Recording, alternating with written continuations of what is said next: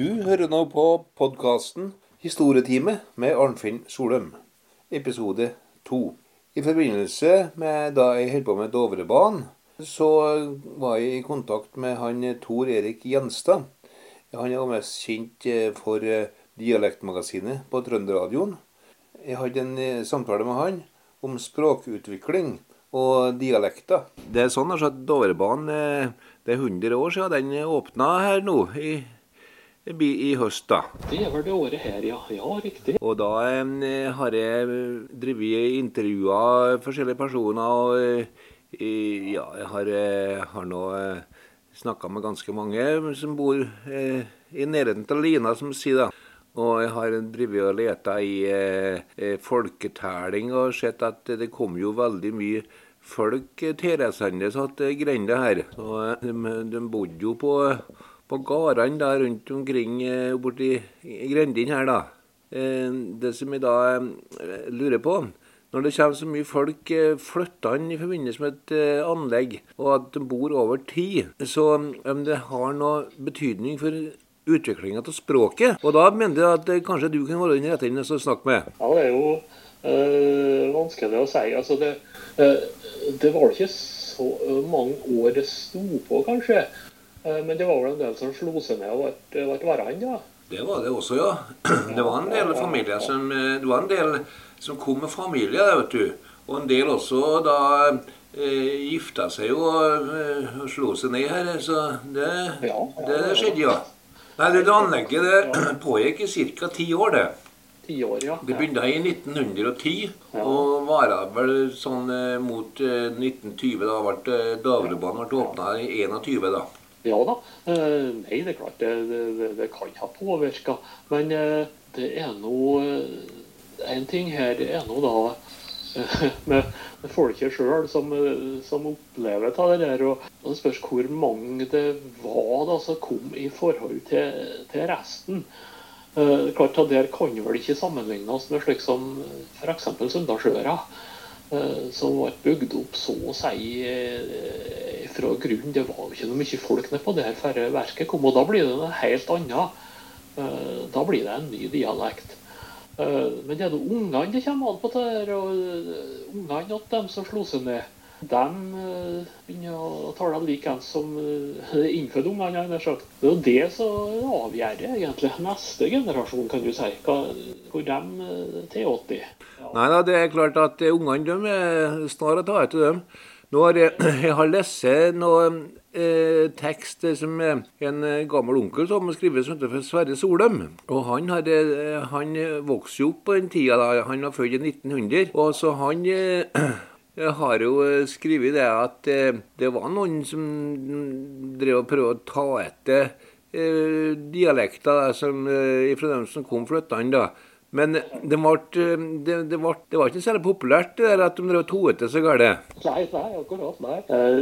Nei, altså, Det er vanskelig å si hvor, hvor varig påvirkning eh, det har vært. Det, jeg tror nok kanskje at i et slikt bygdasamfunn som Soknedalen, så, så vil det helst bli jamna ut at etter, etter at det er gått en generasjon eller to. Det kunne ha, sikkert ha vært noen påvirkning der og da. Men eh, altså, mer varig er det nok liksom på Støren, som var et stasjonsby.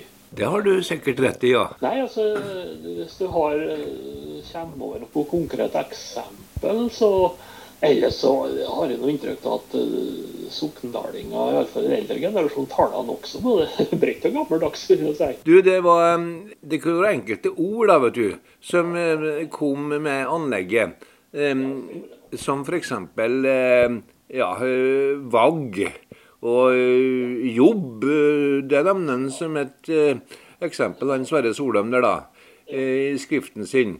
Og, og så var det kamerater. Ja, ikke sant. Ja, ja slike ting så direkte med, med det slags arbeidet å, gjøre, ja. Og, og, kanskje ja, redskap og ting. Men at vi kan godt tro at de begynte å tale om jobb i stedet for arbeid. ja. Det er ikke bort ifra. Men da er det på, mer på ett og ett ord. Og det går ikke så mye løs på selve systemet i dialekten, tror jeg. Lydene og uttalen Så det går på enkeltordene. Ja da. Nei da. Det var um, eh, Jeg snakka for ikke lenge siden med en eh, som heter for Jostein Berntsen på Berkåk. Og der også har det vært st stor anleggsvirksomhet. Eh, for så vidt på 70-80-tallet med Orkla granatbygginga.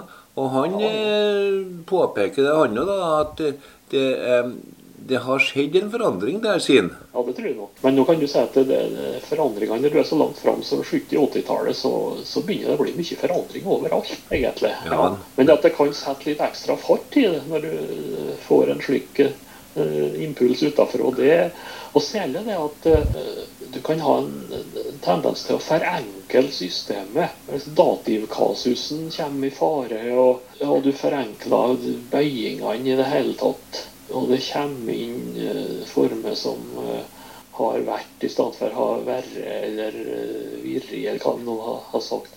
Det er jo typisk at det, det skjer slike ting. Så da um, um, mener du det da at um, sokneordningene er eh, tradisjonell og traust, og eh, tar vare på eh, tradisjonene sine med språket? Ja, det, det, det vet jeg jo ikke brennsikkert. Men altså, i dag så er det store forandringer overalt. Så det er nå en del av den allmenne dialektutjevninga. Den når nok Sokndalen òg. Det, det, tror jeg nok. Ja. Men akkurat at Dovrebanen skulle ha påvirka så voldsomt mye, det vet jeg ikke om jeg har helt tro på. Det kan, kan være et og annet ord slik, sjølsagt. Det, det, kan det. Men noe med Sverre Solheim har skrevet en del om det der, han altså. Vi kjenner jo ordsamlingene hans, har stått i Gauldalsminnet og, og, slike ting. Men så han har skrevet om om jernbanen og, og mulig påvirkning, han altså, ja. Ja da, han har gjort det. Eh, og det, det, er også i Gardalsminnet, da. Eh, det er en artikkel der som heter for eh, da Dovrebanen kom mot grenda. Eller kom mot bygda, som han har eh, skrevet, som vi har funnet.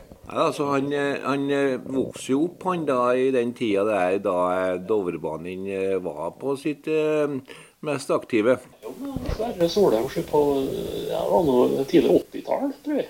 Ja, nettopp. nettopp. Jeg fant ut at han har slektning som har, var lærer på hjemplassen min, Sunndal. Ja vel? Solheim, Og det var, det var visst av slekten hans. Det kunne vært det, ja? Ja da. Ja, da. Ja, da, ja, da. Ja. Det var færre min tid, men han var noe legendarisk, han læreren Solheim som er på Gjøra. ja. Hva sier du det, ja? ja, ja. Du vet ikke noe forunderlig på han? Ja, hva var det? Var det Ole?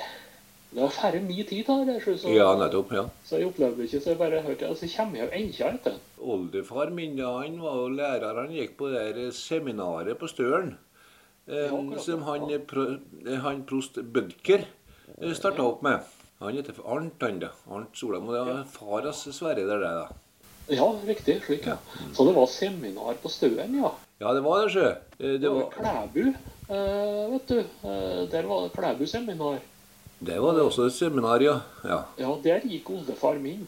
Akkurat, ja. Han gikk ut der 1867, eh, han. Ja, mm, ja, det var det rundt den tida der eh, han oldefar min da gikk på, på Stølen. da, på der. Derfor Det var vel sånn da at det var kirka som sto for det meste av opplæring. Det var mer som en sånn det, Eh, kirkeskole eller kristenskole ja. eller bibelskole? Ja, det var vel mye bibelhistorie og slike ting de holdt på med. Det som er litt interessant, da, jeg har funnet eh, lærebøker til han oldefaren min. De gjemte jo unna alt på kvesten før i tida, så jeg har funnet, funnet bøk da, et, eh, som han hadde på skolen. og det som forundrer meg, er at de hadde jo så veldig flott håndskrift. Ja, men må, Da må jeg avslutte praten der, du, og så takker jeg.